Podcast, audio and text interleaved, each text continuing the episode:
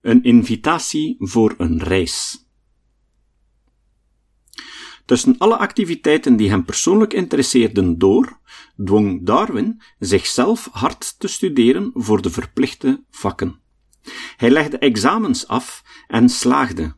In de periode daarna verbleef hij nog een tijdje in Cambridge en volgde de lessen geologie van Adam Sedgwick.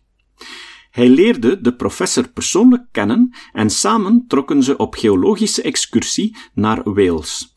Zoals blijkt uit de briefwisseling, koesterde Sedgwick na verloop van tijd een groot vertrouwen in Darwins kennis van de geologie. Net zoals botanieprofessor Henslow begrepen had dat Darwin een meer dan gemiddeld inzicht had in botanie en zoologie. Sedgwick was een catastrofist. Volgens het catastrofisme is de geologie van de aarde tot stand gekomen door catastrofen, die men aan bepaalde passages uit het Oude Testament koppelde, bijvoorbeeld aan de zondvloed. Darwin nam het catastrofische denken grotendeels over. De lectuur van Lyell's Principles of Geology tijdens de vijfjarige reis met de Beagle bekeerde hem evenwel definitief tot het uniformitarisme. Lyell's meesterwerk overtuigde hem ervan dat de geologie van onze planeet langzaam is ontstaan door toedoen van nog altijd werkzame krachten. De lectuur van von Humboldts werk en zijn groeiende interesse in wetenschap hadden in hem het verlangen tot reizen gewekt om persoonlijke waarnemingen te kunnen doen. Toen John Henslow in augustus 1831 vernam dat kapitein Robert Fitzroy een naturalist zocht om mee aan boord te gaan van de HMS The Beagle, stelde hij zijn voormalige pupil voor. Darwin zelf twijfelde geen moment, maar zijn vader, die door zijn zoon een carrière als geestelijke en niet als wereldreiziger beoogde, maakte bezwaar. In eerste instantie zag Darwin zich daardoor genoodzaakt het aanbod af te slaan. Door bemiddeling van Joshua Wedgwood II, Robert Darwins zwager, en Charles Ohm, stemde Robert uiteindelijk toch toe.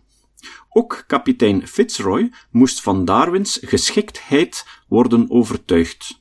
Fitzroy had tijdens een vorige reis op 24-jarige leeftijd de leiding over de Beagle verkregen nadat de toenmalige kapitein, wellicht mede door de grote eenzaamheid tijdens de lange reizen, zelfmoord had gepleegd.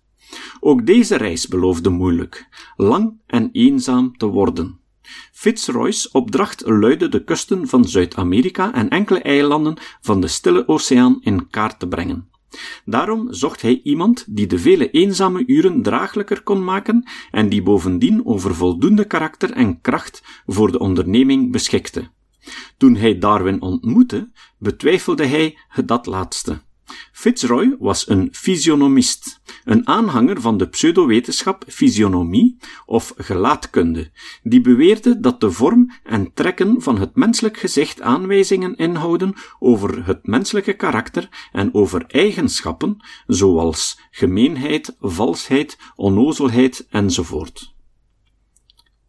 Hulspas en Nienhuis, Tussen waarheid en waanzin, 1997.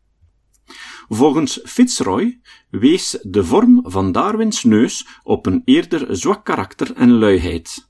Na verloop van tijd aanvaarde hij hem toch. Darwin ging voor het eerst aan boord op 25 oktober 1831. Wegens de weersomstandigheden duurde het evenwel tot 27 december voor het schip van wal stak. Henslow had hem het eerste deel van Lyell's Principles of Geology meegegeven met de raad het te lezen, maar het niet te geloven. De geplante duur van de reis was twee jaar.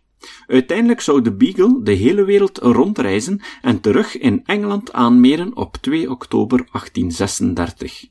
Darwin zou vijf jaar en twee dagen van huis weg zijn. Toen de Beagle vertrok was hij 22 jaar oud, kapitein Fitzroy 27 jaar.